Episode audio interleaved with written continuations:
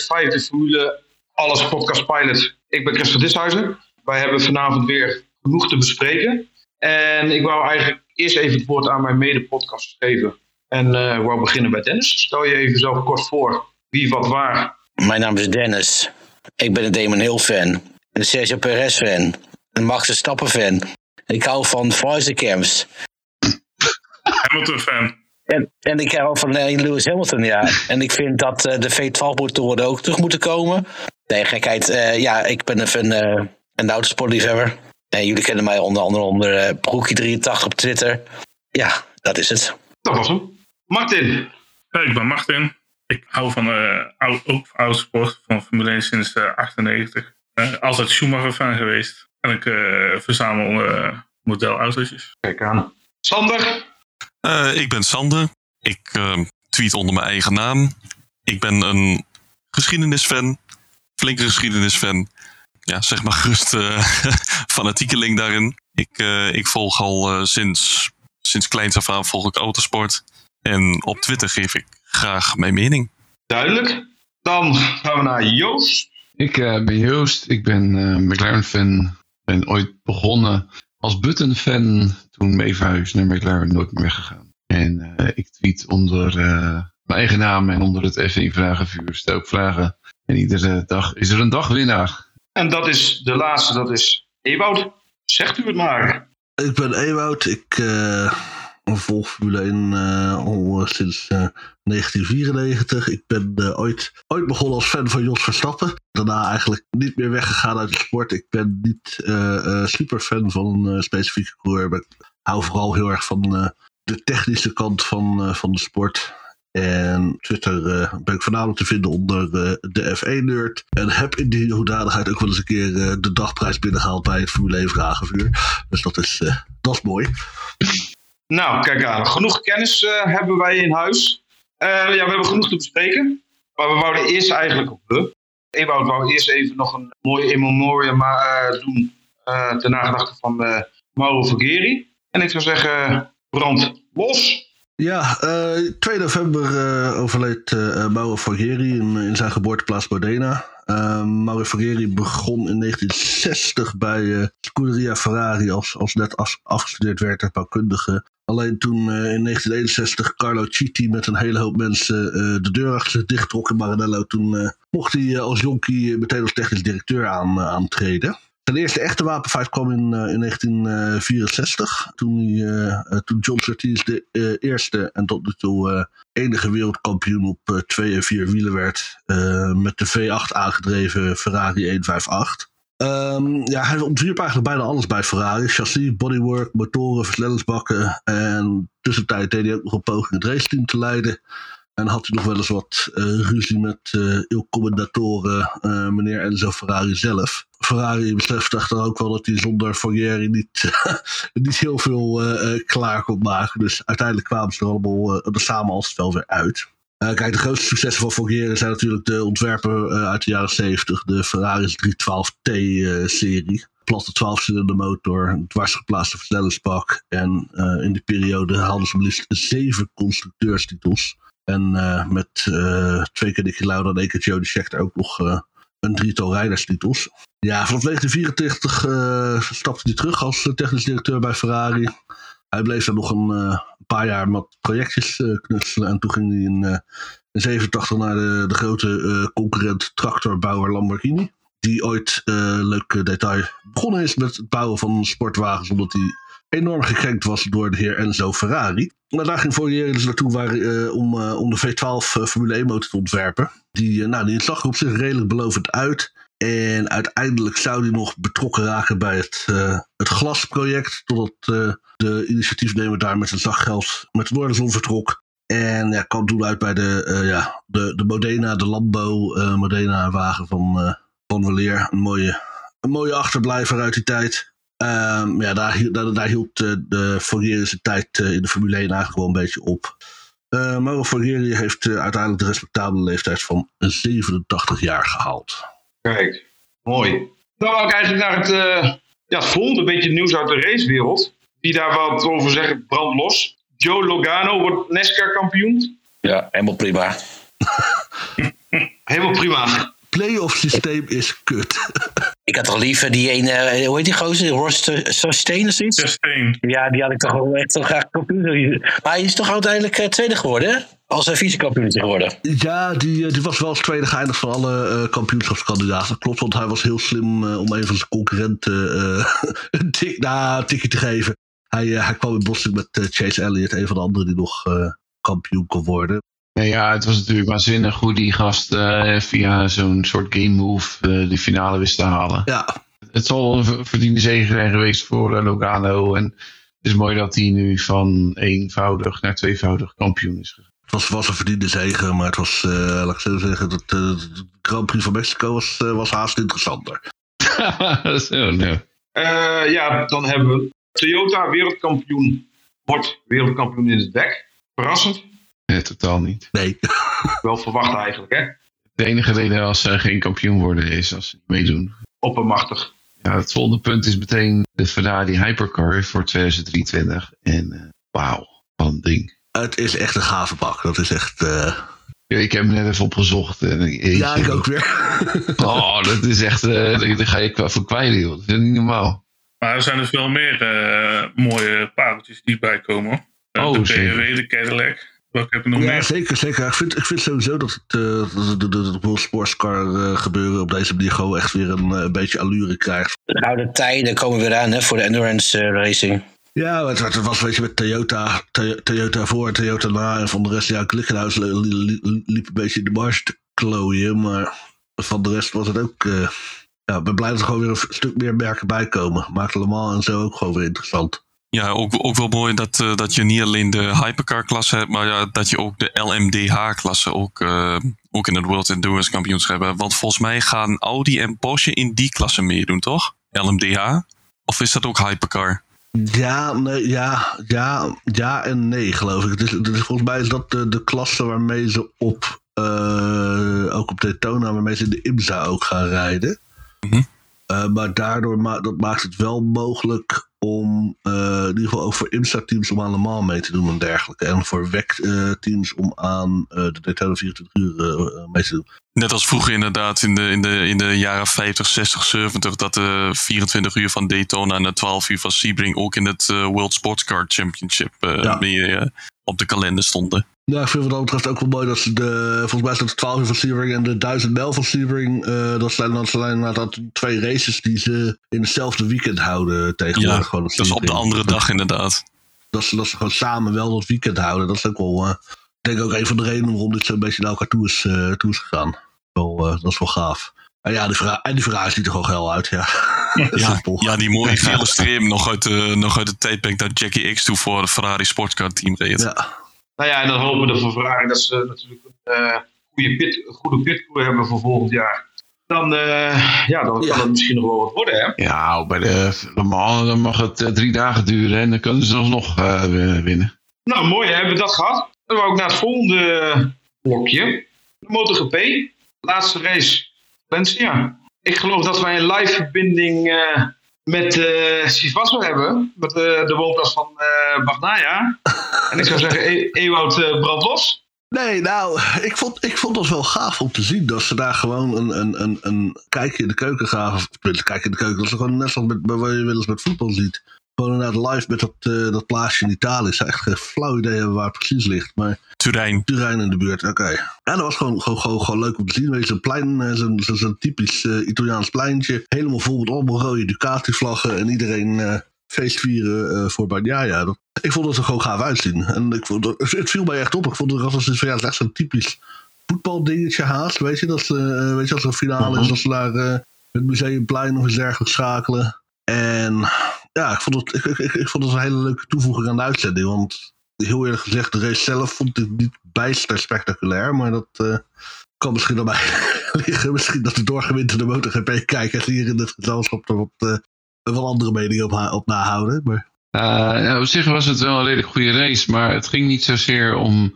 Quartararo die ging nooit winnen. Dat, dat, dat was gewoon uitgesloten. Die haalde nooit die top 3 bij. En vervolgens uh, ja, was, zag het er een beetje kansloos uit dat Ducati bepaalde wie waar finishte. En jij vond dat ook een beetje de kampioen van de armoede Ducati? Nou ja, als je het hele seizoen bekijkt, dan is het, eh, het lijkt wel alsof niemand kampioen wilde worden. Uh, Quartararo kon niet of zo, of die wilde niet, of die iedere keer dan had hij een voorsprong en toen weer niet. En uh, die ging zo vaak op zijn mel dat die iedere keer als, hij, als je denkt van nou, nu heeft hij de overhand, dan was het weer niks. En het, het was geen overmacht of zo. Nou ja, ik denk dat waarschijnlijk iedereen wel tevreden kan zijn met uh, Jacob Bagnaia als uh, wereldkampioen. Dat sowieso. Ja, het hoeft, niet, uh, het, hoeft niet, het hoeft niet meerdere jaren achter elkaar dezelfde wereldkampioen te zijn. dat, dat we nou in, in de Formule 1 max twee keer achter elkaar 21 en 22 als kampioen hebben gehad. Ja, dat is leuk voor ons Nederlanders, maar dat hoeft niet alsmaar door te blijven gaan. En datzelfde geldt eigenlijk in de MotoGP. We hebben jarenlang achter elkaar Valentino Rossi gaat, jarenlang achter elkaar Marc Marquez.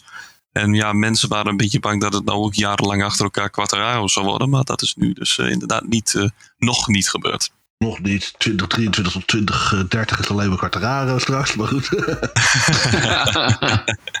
Misschien wel. Ja, we gaan het zien. Ewout wou nog wat kwijt over voetjes van het pedaal. Zoals ik de vorige keer al heb gezegd, dat ik, dat ik voor het eerst sinds, sinds tijden weer eens uh, MotoGP echt goed bekeken heb. En dat viel me, afgelo ja, het viel me afgelopen uh, weekend op, maar het viel me uh, eerder eigenlijk ook op. Toen, toen, toen vroeger naar de, naar, naar, naar de 500 cc keek en uh, MotoGP, toen het was al keurig, je remde aan voor bocht, dat knietje ging naar buiten, je legde die motor plat en zo ging de bocht door. En nu zie je, als ze aanremmen, zie je ze echt uh, voeten van de motor afhalen, echt balanceren, voetje aan de grond, wel niet, wel niet. Het rijden is er een heel stuk lelijker op geworden in die, in die jaren, zo lijkt het. En ik, wilde eigenlijk even aan de, de MotoGP-kenners uh, uh, van dienst even vragen van, joh, wat, wat, wat is daar nou de reden voor? Wat is nou de reden dat uh, dat rijden zoveel lelijker is geworden ten opzichte van nou ja, de, de, de, de, de Mick Doohan tijdperk, om het zo maar, uh, zo maar te zeggen. Nou ja, de motoren die zijn een heel stuk zwaarder geworden. En voor mij is Valentino Rossi ooit een keer begonnen met dat voetje van, uh, van de vloer. Ja, wellicht heb je dan een betere balans of zo. Of kun je dan beter ademen. Iemand anders nog wat, Martin, die daar wat over wil, kwijt wil? Volgens mij heeft het met balans te maken, ja. Maar volgens mij, ze gaan ook veel platter tegenwoordig dan de hellingshoek is veel groter dan uh, vroeger natuurlijk. Zeker als je als we naar Ducati kijken en naar de vorige kampioenschappen, als je Casey Stoner ziet rijden, dan zelfs daar zie je het verschil tussen de hellingshoek, dat het nog groter is geworden. Marquez begon daar volgens mij mee. Echt met de schouder tegen de asfalt aan. Persoonlijk vind ik het juist mooier geworden dan dat het vroeger was. Maar dat is mijn persoonlijke mening. Omdat ze dan platter gaan?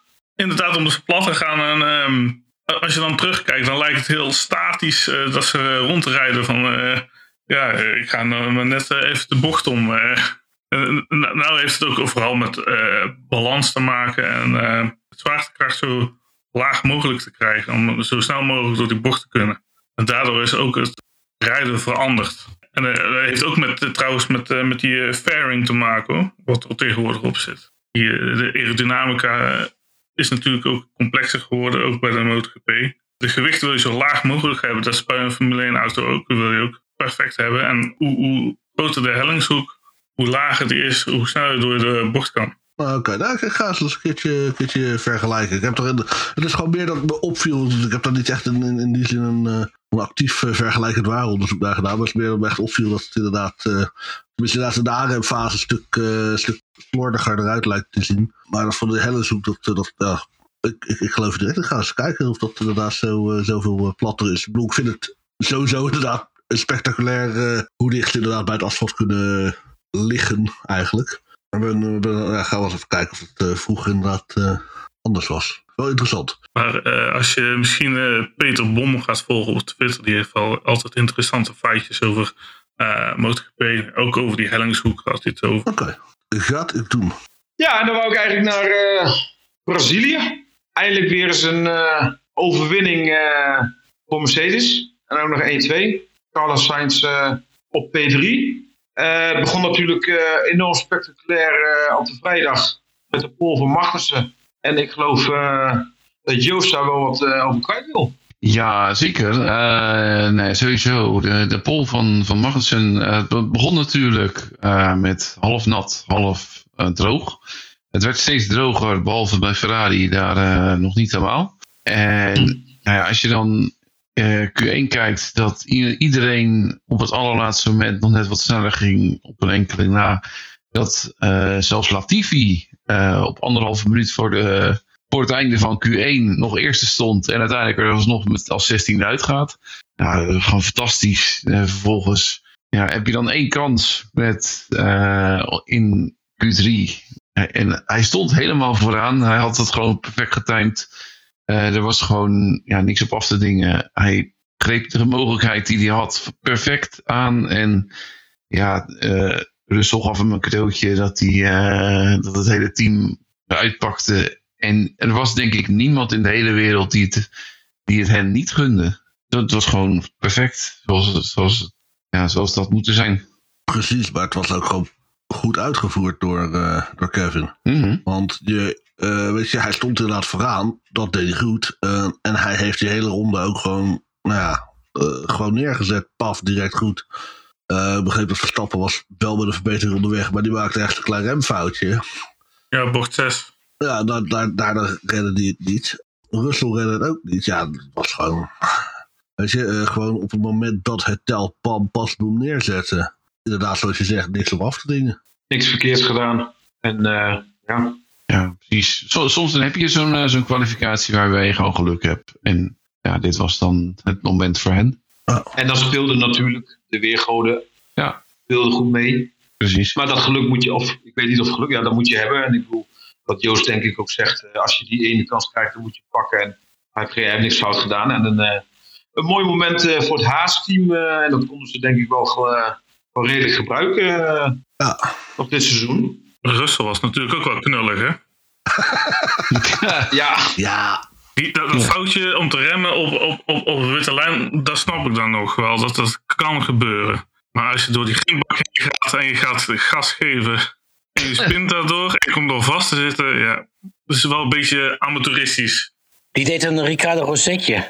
Oh, ik wil zeggen Jos Verstappetje, maar nou, het is wel een beetje Ricardo Rossetti inderdaad. Een beetje Monaco 98 vibes krijg je. Die eh, inderdaad, die wil even terugspinnen op de baan. Maar ja, helaas. eh, Nou, het, het, het helpt natuurlijk ook niet mee dat het geweldige Zero Pot design natuurlijk als ideale sneeuwschep dient voor dat gravel. Want dat, hij draaide hem ook zo in dat die hele vloer aan de bovenkant gewoon ingegraven lag. Ja, de engineers bij Mercedes zullen wel gedacht hebben: hoe groot is de kans dat we ooit in de grind terechtkomen? ja blijkbaar groot genoeg.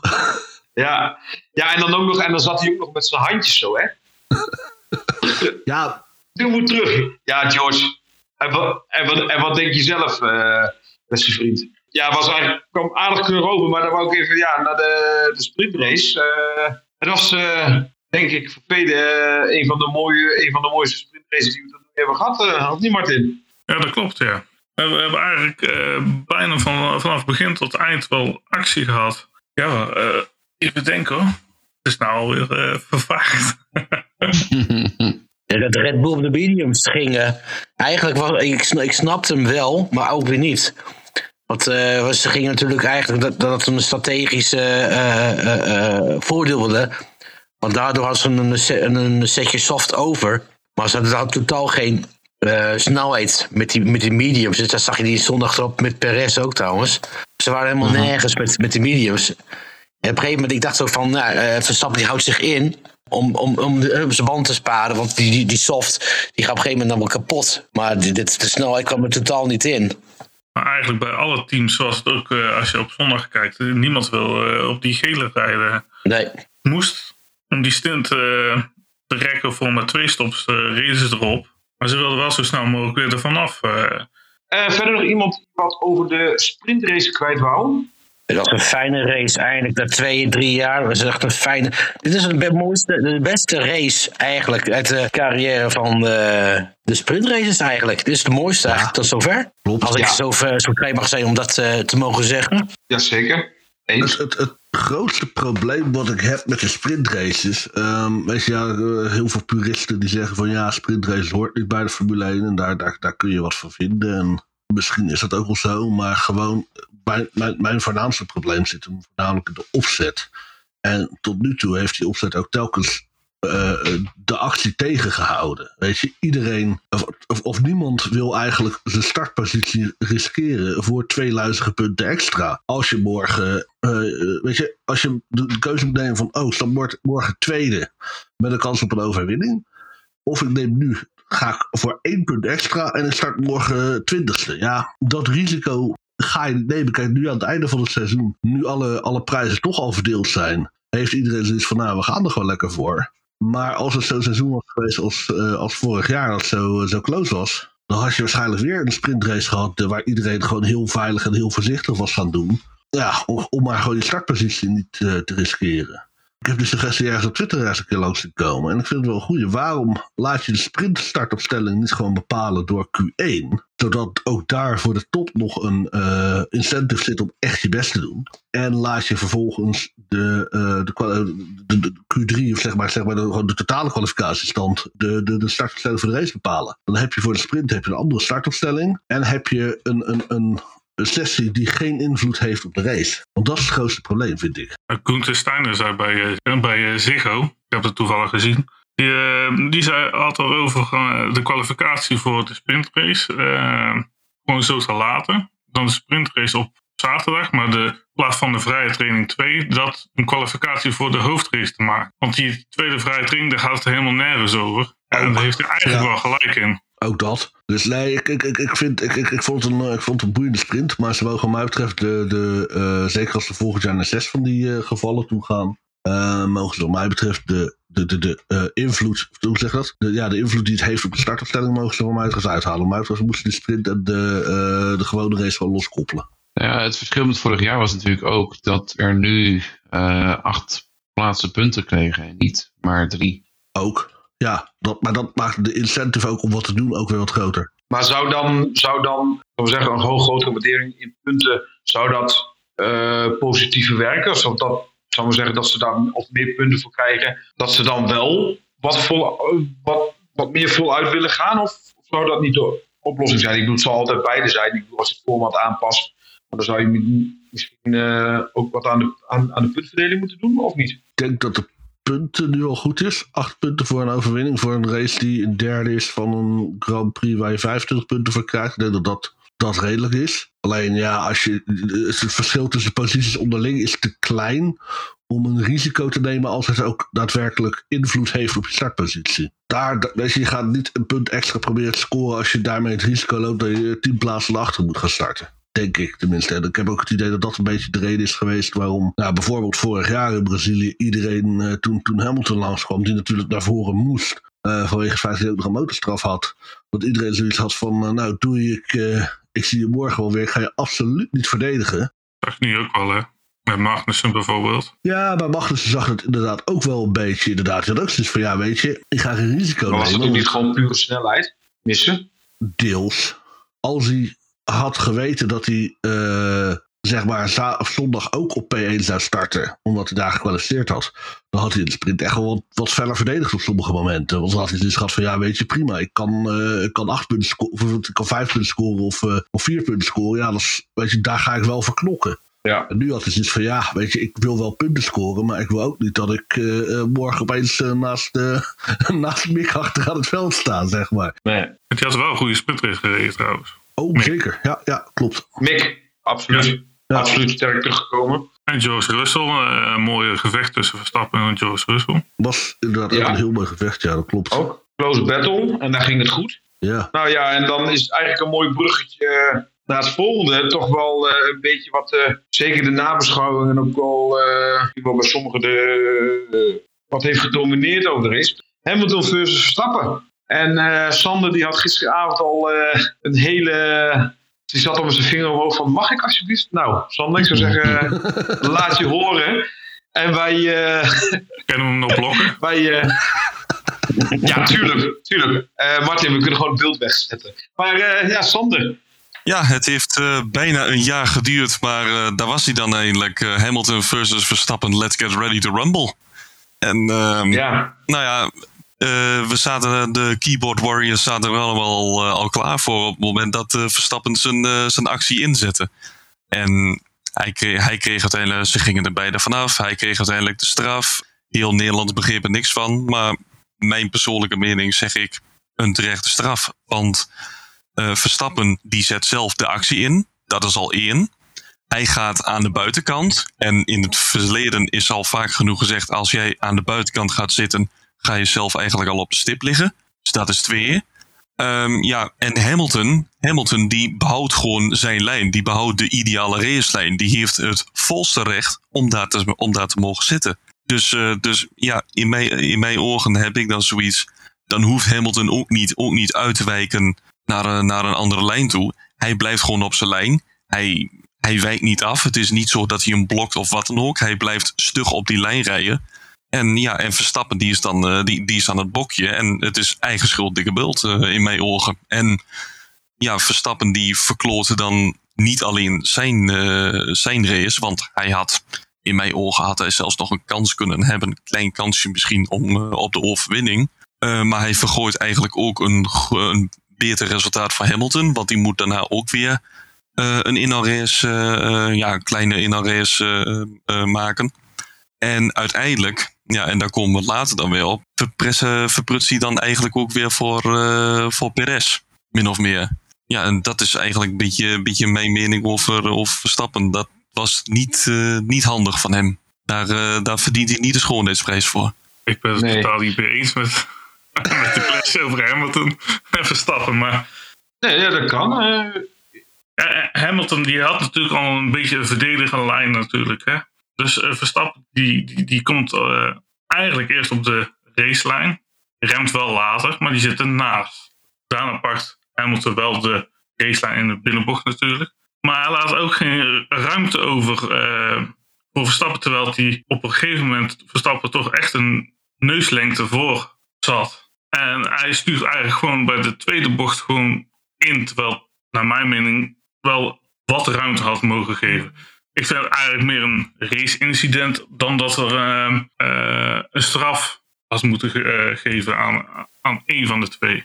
Ja, dat vind ik ook. Want die straf was totaal niet, uh, niet terecht eigenlijk. Het was inderdaad wat je zegt, Martin. Gewoon een race-incident. En dat, dat, dat, dat, dat de wedstrijdleiding Hamilton of Verstappen bestraft. Een tijdstraf geeft, dan geeft wel ja, een glans af. Weet je wel? Dat, dat is een beetje een smetje eigenlijk. Want het is gewoon een race-incident. Want nu gaan de coureurs ook nadenken zo van een actie inzetten. Snap ik bedoel? Ja, daar heb je helemaal gelijk in. Maar dat, dat is hetzelfde. Ik heb er nog net even terug zitten kijken.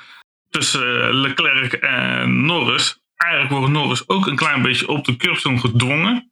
Ja, daardoor springt hij er vanaf. Ja. En onderstuurt ja. hij tegen Leclerc uh, aan. Ja, het was geen bewust. Nee, het was niet bewust, nee. Nee, maar nee, daar, nee. daar vind ik nog dat je kunt zeggen van uh, Leclerc laat Norris wel de raceruimte. Het is Norris echt 100% zelf die de botsing veroorzaakt, vind ik. Maar goed, wat dat... moet hij dan doen? Moet hij dan uh, gaan remmen? Het is niet dat je, oh ga maar voor, uh, Jij mag die plek wel houden, ja. Nee, Zo werkt het natuurlijk niet. Nee, maar ik had het idee dat, hij, dat, hij daar, dat, dat Leclerc daar wel voldoende ruimte liet. Ik bedoel, ik heb niet tot in de treuren teruggekeken, maar ik had het idee dat Leclerc daar wel in ieder geval significant meer ruimte liet dan dat Hamilton. Uh, wel meer ruimte, maar het was toch, hij dwong wel echt op de curve staan. En dan... Ja, goed. Maar dat, weet je, daar, die, die, die snap ik beter dat je zegt van oké, okay, daar, daar is uh, Norris voornamelijk uh, aan te wijzen als schuldige. Wat betreft de situatie Verstappen en Hamilton. Sowieso vind ik het een, een, een race-incident. En dat vond ik eigenlijk ook. Ik, ik, vond hem een beetje vergelijkbaar met Monza vorig jaar. En daarvan vond ik eigenlijk ook dat je niet per se op zoek moet gaan naar een schuldige. Maar goed, dat, uh, dat lijkt af en toe. moet dat tegenwoordig. Blijkbaar moet dat tegenwoordig. Ja. Ik las er ook een stukje over op, uh, op de race uh, die het erover hadden. En die hadden ook even. Die legden even de regels van, van dit jaar daarnaast. Dat bij een S-bocht. En de S-Do Senna is denk ik wel een S-bocht daar, daar geldt voor dat je eigenlijk dus, uh, die, moet, die moet je eigenlijk gewoon in tweeën knippen. Zegt van ja, als je, weet je, aan de buitenkant moet je er echt volledig naast zitten op de apex. En aan de binnenkant van de bocht, dat is het tweede gedeelte, moet je er met een significant deel naast zitten om recht te hebben op raceruimte. Nou, de stewards zeiden van Hamilton had meer ruimte kunnen laten, maar ze vonden dus blijkbaar dat Verstappen er niet ver genoeg naast zat. En dus is de verheldering die er is geweest nog steeds niet helder genoeg. Want ik zou argumenteren dat Verstappen genoeg ruimte had om een beetje, een beetje ruimte, of tenminste, er zat er genoeg naast om een beetje ruimte van Lewis te krijgen. Maar weet je, heel eerlijk gezegd, het zijn gewoon twee heethoofden die zodra ze elkaar zien gewoon een rode waas voor de ogen krijgen. En ook allebei totaal niet meer geïnteresseerd zijn van of ze de finish gaan halen. Want ook Hamilton niet. Hamilton die, die is gewoon net zo rukzichtloos stuurt hij in als, als, alsof Verstappen er niet zit. Dus in dat opzicht doen ze het allebei gewoon niet slim. En dan had ik gezegd van ja jongens weet je, eh, eh, twee honden vechten op een been en eh, nummer drie gaat ermee heen. Pech voor jullie. Eh, volgende keer proberen wat aardiger te zijn. Gaan ze niet doen, maar ik vond niet dat er hier naar schuldige, moet, schuldige hoeft te worden gezocht. Nee, in dat geval is een race-incident wel op zijn plek. Maar goed, dit, het is er ook altijd, ik bedoel, it takes two to tango, toch? Ik bedoel, en ik weet ook allemaal, het zijn races en er zijn allemaal dit en er zijn allemaal dat.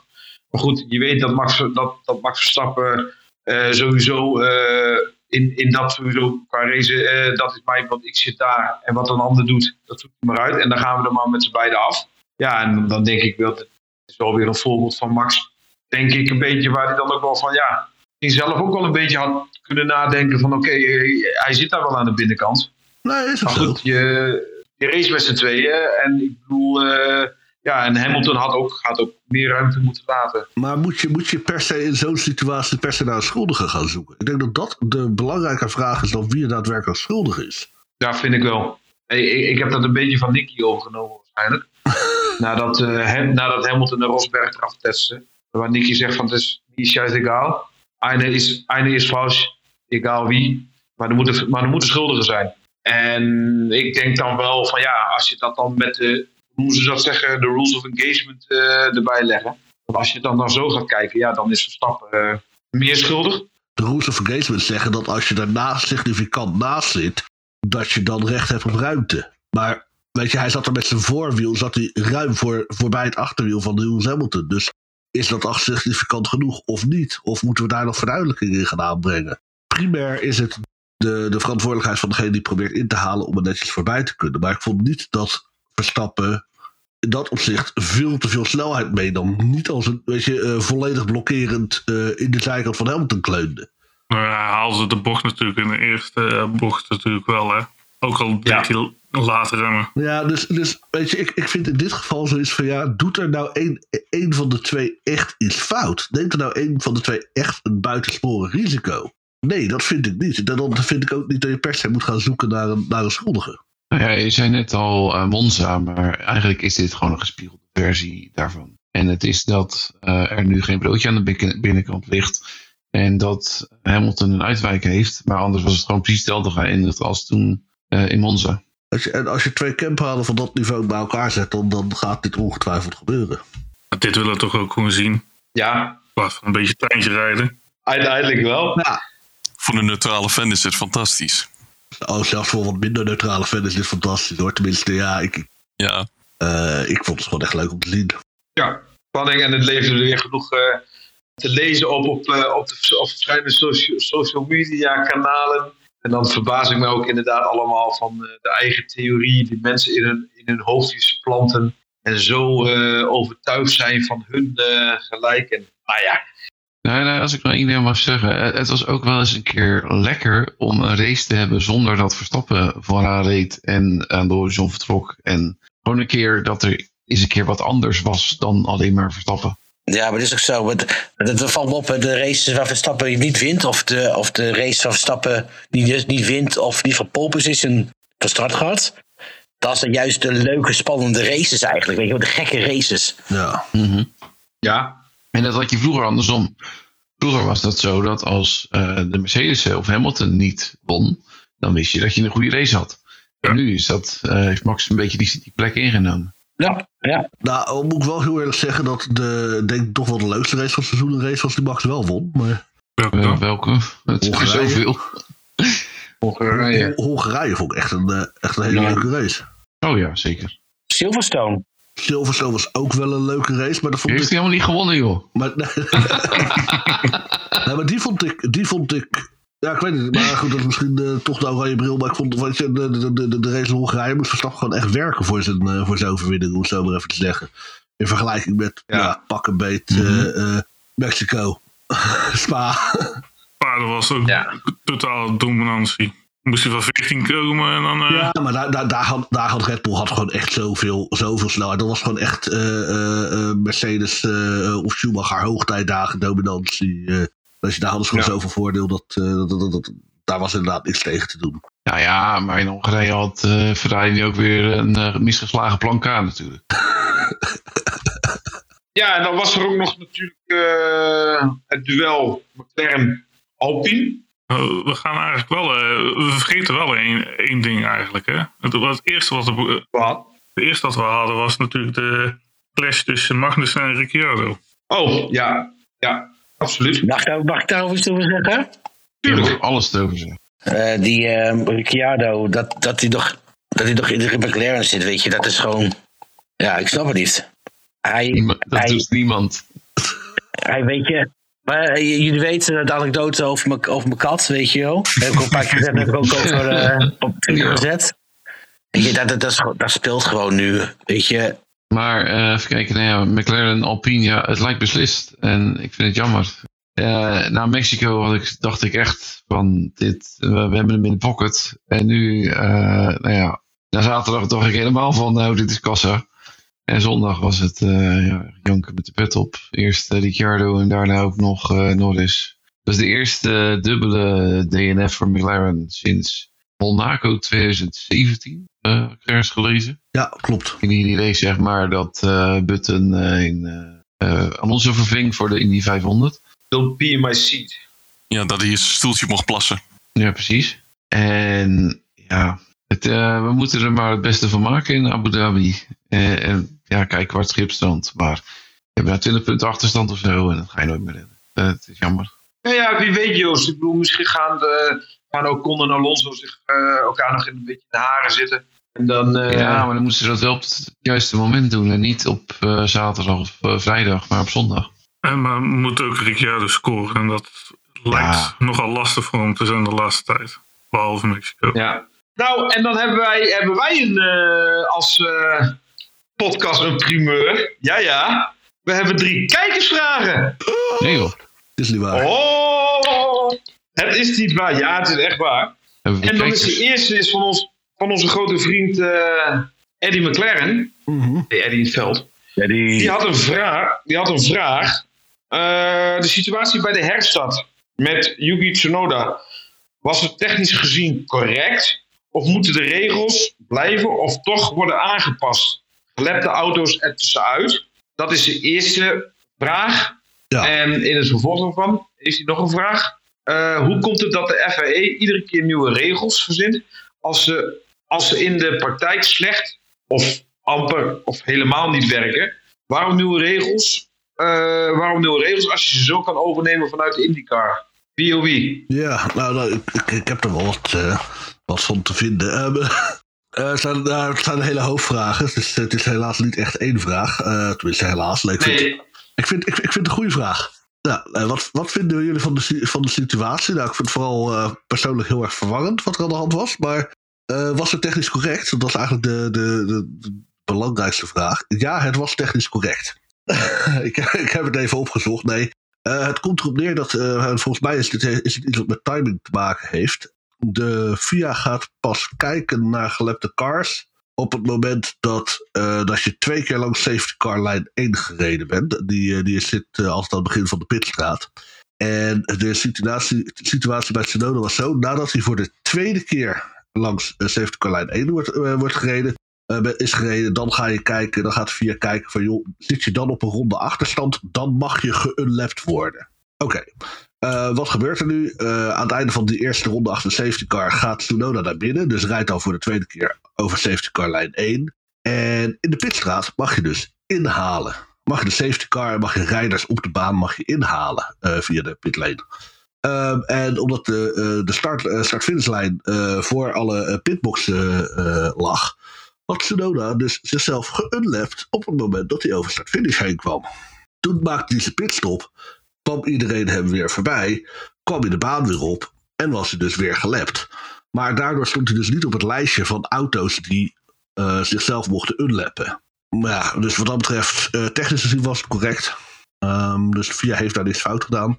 En ja, moeten de regels toch blijven of toch aanpassen en alle gelepte wagens er tussenuit halen? Ja, ik denk dat de regel ook zo is dat alle gelepte wagens er tussenuit moeten. Alleen bepalen ze dat op een manier die blijkbaar voor de timing noodzakelijk is. En dat daar het probleem zit. Dus misschien dat ze de manier van het bepalen daarvan, dat ze dat op een andere manier kunnen doen. Dat je, ja, geen idee op het moment dat eh, de baan, eh, de baan weer vrij eh, is, dat je dan gaat bepalen, kijkt wie er dan op start-finish gelept is, et cetera, et cetera.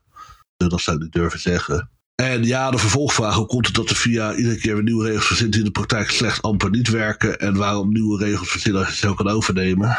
Ja, de VIA is een juristenclub wat betreft het formuleren van regels. En ik denk dat het grootste probleem is dat het regelboek gewoon al heel erg oud is. Ook al denk je van niet, maar het regelboek is in de basis gewoon heel erg oud.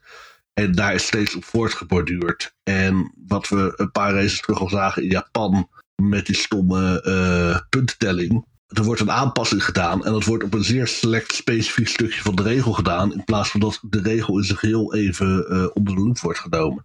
En daardoor gaan dit soort onduidelijkheden en, en, moeilijkheden erin uh, sluipen. Ja, wat ze wat mij betreft mogen doen, is juist nieuwe regels verzinnen, maar dan juist nieuwe regels in zijn geheel verzinnen, in plaats van kijken waar we ze moeten tweaken. Want dat, dat creëert alleen maar ruis. Ja, overnemen vanuit bijvoorbeeld de IndyCar. Ja, ik weet niet, uh, in de IndyCar worden, uh, wordt startvolgorde wordt volgens mij nog met de hand gedaan op het moment dat het allemaal een beetje chaotisch is. Dus of dat nou een voordeel is, weet ik niet.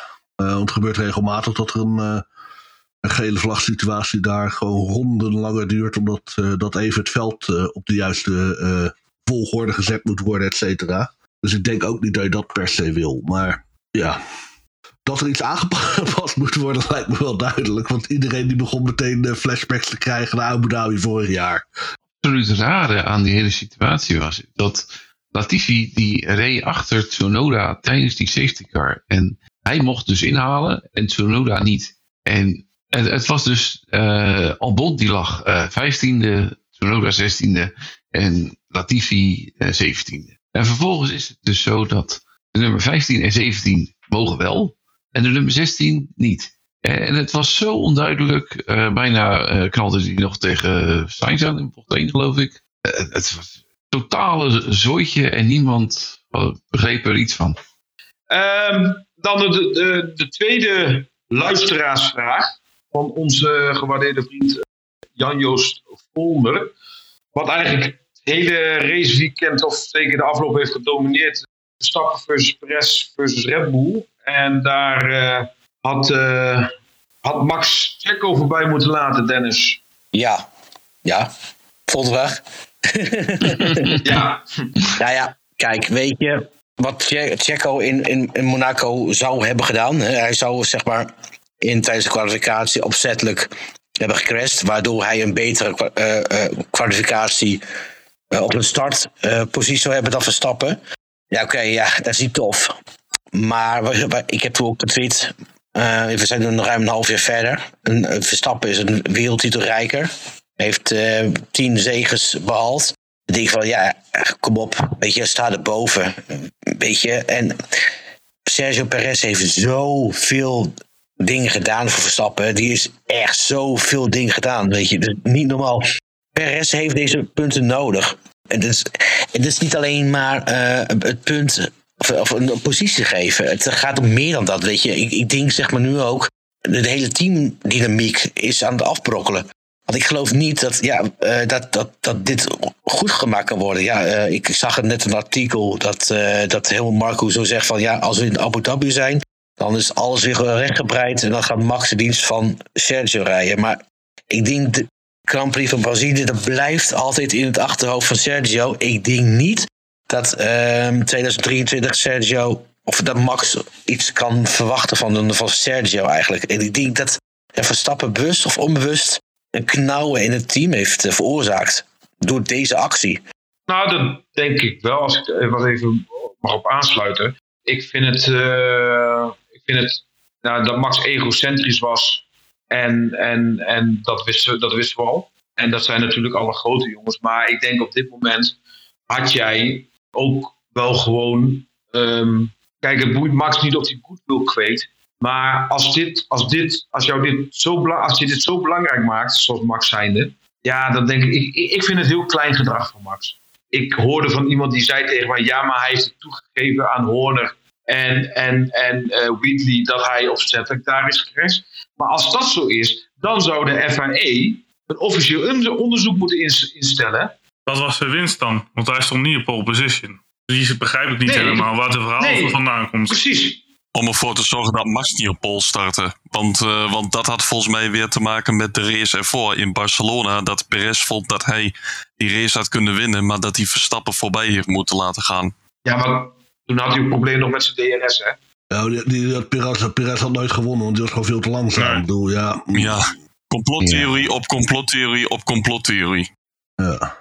Nou ja, en, en, en dat is het. Want dan lees ik een quote. Tom Coronel die heeft in de Viaplay Studio gezegd dat, dat dit dus binnen Red Bull speelt. Ja, dan denk ik van ja, weet je, het is allemaal wel heel leuk en aardig voor jezelf maar eh, theorietjes en dingen in je hoofd te gaan, gaan planten. En het gevolg daarvan wel is, als je dus de social socials leest, ja, 80% die is dat helemaal eens. En de rest heeft het dingen. Dus ja, ik vind het allemaal maar een beetje, ja, Ik vind het wel heel toevallig dat, dat ehm, op, het, eh, op het moment dat, eh, dat, dat het gebeurt, amper een uur nadat het gebeurt, wordt dat naar buiten gelekt dat Perez opzettelijk gecrashed zou zijn. ja Het, eh, het, het, lijkt, het, lijkt, het lijkt wel een beetje alsof het van het kamp Verstappen af zou komen. Alsof Verstappen in de leer is geweest bij Alonso en bij, en bij Piquet, bij zijn zwager de Piquet. Dat, hè?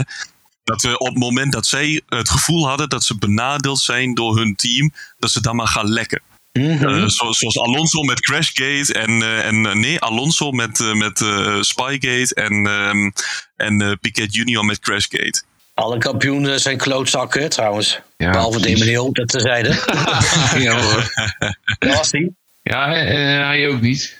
Eh Jensen. Ja. Wat ik, wat ik eh, ergens eh, vanmiddag, vanmiddag las over dit hele incident, en dat vond ik eigenlijk wel een mooie samenvatting. Dat eh, inderdaad Verstappen hier zich een, eh, een, een teamleider had kunnen, kunnen tonen. Eh, en, ja, wat had het nog gekost? Had hem, had hem één puntje gekost. En, en de laatste zin, en hij, zei het Engels, ga- ik ga hem even quoten. This would have been such a cheap way to win favor. Verstappen traded that just to prove a point in a team that is already his to a teammate that's already subservient. Oftewel, je maakt nu een punt ten koste van een hele hoop gezeik. En we bereiken ermee niks, want iedereen was al naar je pijp aan het dansen. En dat is misschien wel denk ik de, meest eh, de beste samenvatting hiervan. Why the fuck maak je dit punt nu? Je maakt nu een punt, niemand begrijpt waar, wat het punt is. En iedereen is over de zeik. Dat is ook wat ik bedoel. En wat, wat met, de, met de, de breuk van het eh, teamdynamiek. En dat je zo, zo kun je terugkijken naar het Multi-21-verhaal met eh, Vettel en Webber. Daar luidde uiteindelijk ook het eh, carrière van eh, Webber in. Maar nu denk ik ook zo van, ja, wat gaat er nu gebeuren? Ik bedoel, eh, ja, weet je, wat, wat jij ook zegt, Ewout, dit, dit, dit, klein gebaren, weet je, wat het zo groot gevolg kan hebben. Nou, er staat ook gewoon niks meer op het spel voor Verstappen. Dus dat Nee. snap je toch helemaal niet. eh. Nee. Zal het ook niet een klein beetje met vorig jaar te maken hebben? Want toen heeft hij ook al een keer gezegd dat hij weinig aan Perez had. In de titelstrijd eh, tussen eh, Mercedes en hem. Dat, dat je Ja. meer eh, iets aan Bottas hebt dan aan Perez. Nou, dan, dan, wil- sorry, dan wil ik alleen maar even zeggen. Abu Dhabi vorig jaar. Ja, maar dat is, de- dat is één race natuurlijk. Hè? Maar ik bedoel, het punten weghalen bij, eh, bij de concurrentie, zeg maar. Heeft de rest te weinig gedaan vorig jaar. Die maar- moment vaak eh, rond de acht. eh, Ze zijn nou toch eh, constructeurskampioen geworden? ja, ik heb het nou over vorig jaar. Hè? Ja, nee, nee. vorig jaar heeft hij snelste rondepunt weggehaald bij Hamilton onder andere in Brazilië. Ja. Jawel, hij Ja. heeft wel wat, wat, wat, wat dingen gedaan, maar Nee, maar zo bedoel ik een eerste Verstappen, dat bedoel ik. Hè? Een Ja. beetje zoals Bottas echt Hamilton geholpen heeft. Niet dat ik zo daarnaar kijk. Ja, Het verschil tussen Bottas en Hamilton Ja. was een stuk kleiner dan tussen Perez en Verstappen. Ja. maar ja, Perez was het beste wat ze konden krijgen. Of je moest Nico Hulkenberg nemen of met Alexander Elben verder. Ja, Hulkenberg, daar komen zo meteen nog even op terug. ik denk dat we allemaal wel, denk ik, over eens zijn van dat het eigenlijk een beetje een kleine, hele klein, beetje een kleinzielige actie van Max was. Ja, Ehm, en, en, en, en, we zullen, en we zullen zien hoe, dit, eh, hoe, zich dit gaat, eh, hoe zich dit gaat uitspelen de komende maanden. En of dat in- Eh, ja, goed. Nou, ik denk dat we genoeg eh, hebben over eh Verstappen, Perez, eh, Red Bull. Dan even kort naar eh de eerste overwinning van George Russell. Ja, klopt. George. George. Mercedes heeft alsnog gewonnen, hè? Ja, Ja. En dan met Wie had, dat Russell, nog, hè? wie, had, wie had dat nog gedacht? Ja, hè, Russell. ik had niet verwacht dat... nou, tenminste, ik had, nee, ik had eigenlijk niet verwacht dat ze het hier in Brazilië zo, zo goed zouden doen. eh, in eerste instantie. Maar blijkbaar eh, viel alles gewoon dit keer wel op de plek. En George Russell heeft gewoon twee dagen lang echt perfect gereden. Gewoon echt uit zijn GP2 of Formule 2 eh, tijd eh, dominant. Goed gevecht met Verstappen. eh, zaterdag, zondag gewoon bij de start wegrijden, race controleren. En eh, ja, gewoon, gewoon top gedaan. Petje af. Of eh, als ik eh, Dan- Engine Mode 11 mag eh quoten, eh baardje af. Ik weet niet of jullie dat nog mee hebben gekregen. Ja, ja, Ja. ja, held. Ja. Ja, die van, mij, die, van, die van mij blijft. Even voor de record. Ja, maar het kan, het, het kan ook nog doorgestoken baard zijn, hè? Ja, precies. Kijk uit. Oh, heerlijk. Dan weet je, jongens, dan weet je nooit. Nee, ja, eh Russell, mooi. Ik denk, goed weekend wat eh Ewout ook zegt. Eh, team met de gouden griffel. Ja, Maar de kwalificatie. ja. Ja. Ja. ja, oké, oké, ja, ja. Nog, nog wat meer kwijt ehm, over Russell, Mercedes, Brazilië. Nou ja, eh, ik heb op zich wel wat eh, over te zeggen, maar dan kunnen we beter doorgaan naar de volgende ingestuurde vraag, denk ik. Vraag van Mark. Wat vinden jullie van de Nederlandse media die het alleen maar hebben over Verstappen versus Perez en niet over de goede race van Alonso? Joost, zegt u het maar. Nou ja, het is natuurlijk schandalig dat eh, een jonge gast die voor het eerst in een voor het eerst een heel seizoen in een waarvan hij aan het begin van het seizoen dacht binnen de raceauto te zitten en vervolgens niet de credits krijgt die hij verdient vanuit alle media, want alle niet alleen Nederlandse media, maar ook eh, buitenlandse media, die ging over de, de, haat en nijd tussen eh, het Red Bull duo Sky bijvoorbeeld, die had vanmorgen pas eerste uh, nieuwsitempje of nie- nieuwsplaatje van George Russell wint zijn eerste race. eh, wat een fantastische prestatie. Maar vervolgens hebben we het eerst een, eh, nacht lang over eh, hoe verschrikkelijk het bij Red Bull is. Eh, het, het hoort gewoon niet. Het hoort gewoon zo te zijn dat de media eerst daar de aandacht aan moet schenken. En niet aan een of andere hetze die bij een bepaald team is. Nou ja, weet je, het is Red Bull en Verstappen, die zijn wel de, wereld, zijn wel de wereldkampioenen, weet je wel. En ja, en dat, ik snap ja. het wel dat daar zeg maar de attentie op gaat. En dat de Nederlandse pers op gaat, ja, dat snap ik ook wel. Ik bedoel, al het nieuws over Verstappen, dat wordt opgepakt, weet je. Ik bedoel, uh, ja, wij zijn hardcore Formule 1 algemene fans.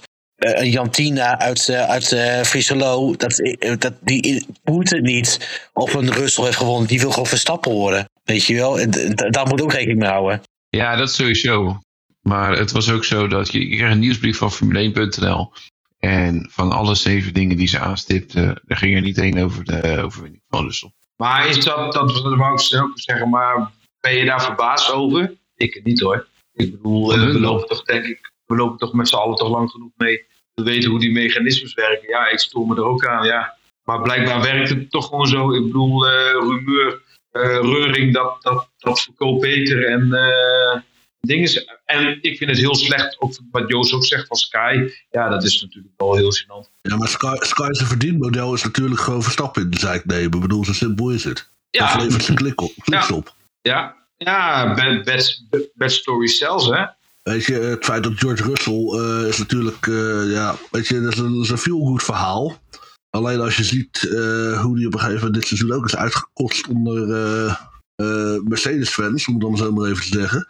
Ja, dan kan je daar wel een leuk feel-good verhaal op gaan houden, maar ja, dan krijg, dan krijg je misschien 200 reacties op het moment dat je Verstappen voor de bus gooit, of Red voor de bus gooit, dan, dan gaan er meteen krijgen we meteen duizenden likes en uh, reacties en weet ik veel wat. En dan komen de usual suspects weer, uh, uh, hoe zeg je dat, met een vaste aanhang de boel versturen. Dus ja, ik, ik, vind het ook belachelijk, want Russell heeft gewoon echt een hele goede race gereden.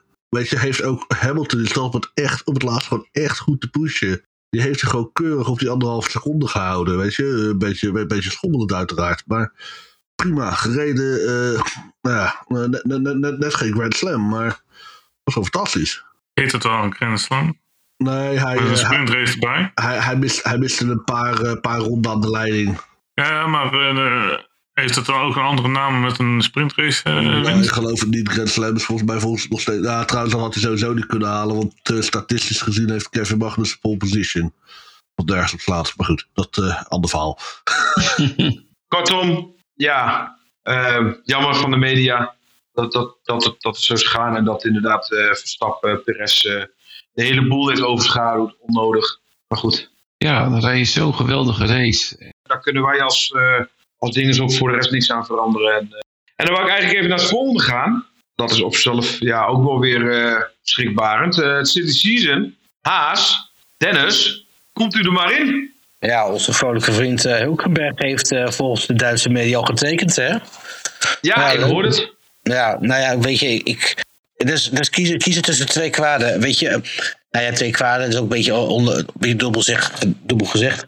Kijk, Mick Schumacher, daar, dat, die toont tenminste toch progressie, weet je. Maar als je een uitgebluste en uitgerangeerde coureur als Hulkenberg bijneemt, ja, nou, dat, dat snap ik eigenlijk niet. Dan, dan zou ik zeggen van, als je echt voor talent gaat, ga met Alpine rond de tafel, ga met, eh, met, met eh, hoe heet die, Doen eh huren bijvoorbeeld. Maar met, met Hulkenberg, lieve helemaal, dan ga je de, de oorlog echt niet meer winnen.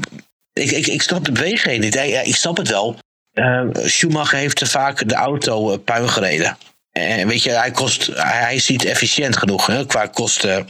Maar ja, ik, ik, ja, dan zou ik toch met een, ja, toch met een Schumacher doorgaan. Maar ik, ja, ik, al die jaren dat, dat Hulkenberg aan het ehm eh race, heeft hij geen enkel race waar hij zegt van nou, dus dat hij eruit springt.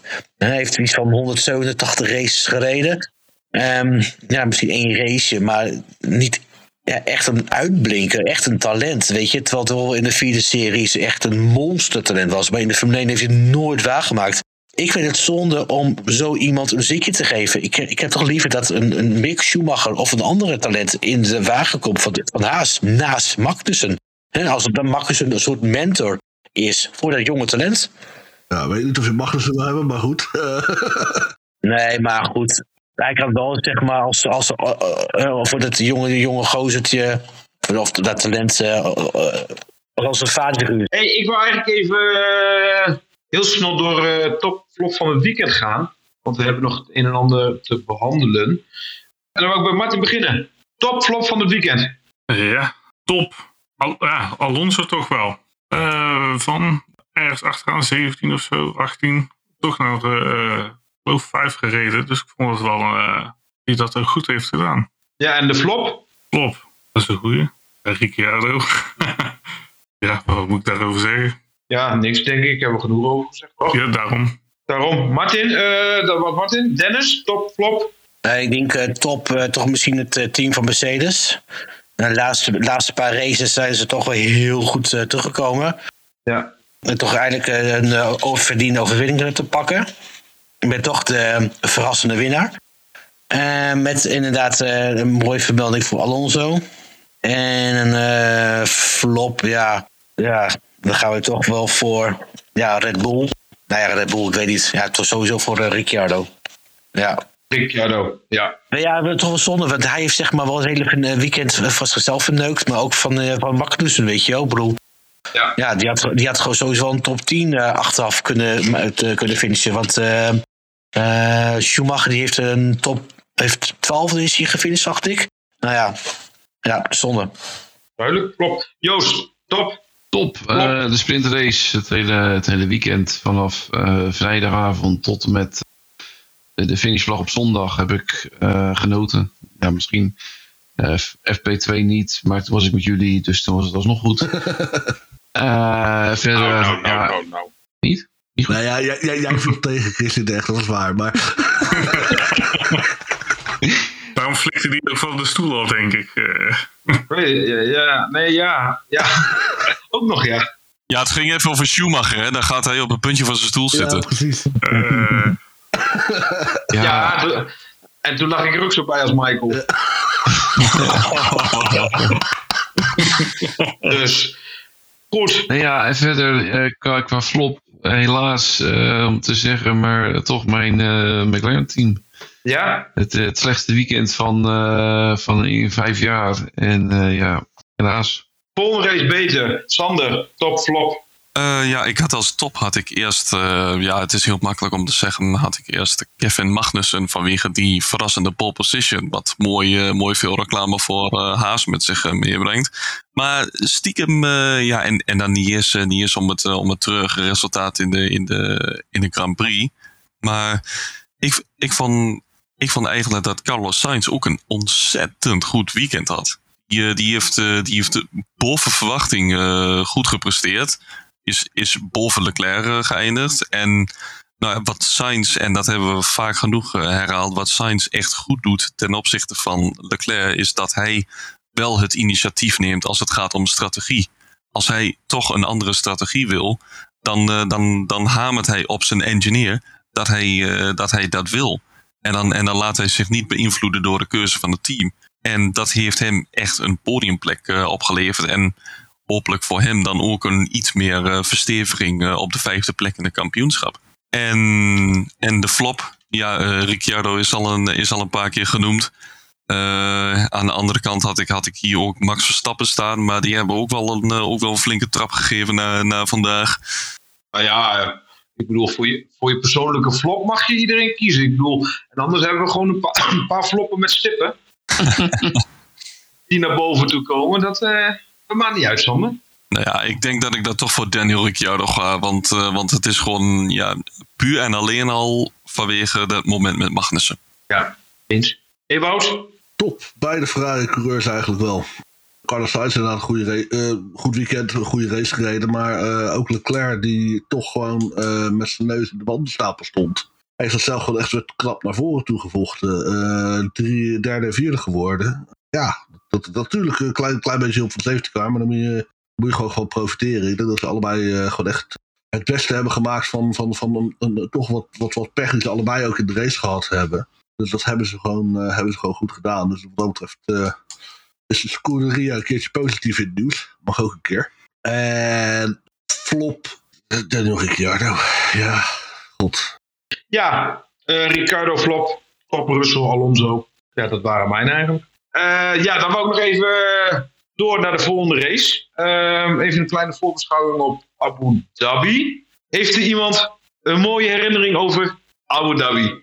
Brandlos. Eh, nou, er was een keer dat het regende. En eh, dat was wel eh, historisch natuurlijk. Eh regen in de woestijn. Eh, Ja, die druppels die waren al verdampt voordat ze de asfalt raakten. Dus ja, maar eh, je zag het eh, vallen. Ehm, nou ja, natuurlijk eh, 2010 met eh, Vettel, fantastische finale met Alonso en Petrov, die eh, maar niet achterop. Ja, eh, Alonso reageerde op Webber en hij kwam achter Petrov. En Vettel eh, ging met het goud vandoor. Ehm Rosberg 2014, die eh, zijn auto eh, die, eh, die ermee op, ophield en toch zoiets had van jongens, het kan me niet schelen, ik rijd het ding naar de finish toe.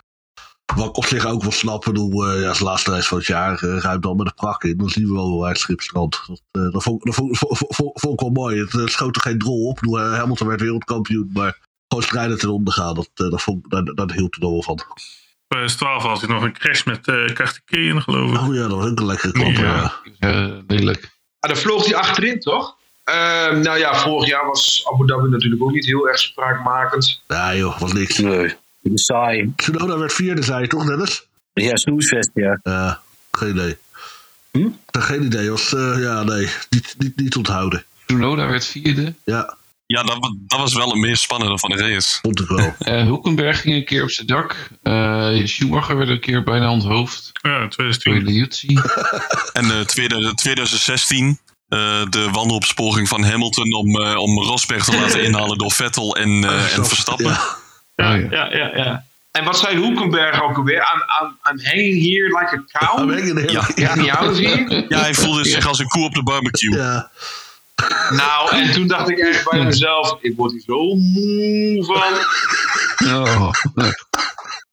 Ja, Oh, I'm getting roasted.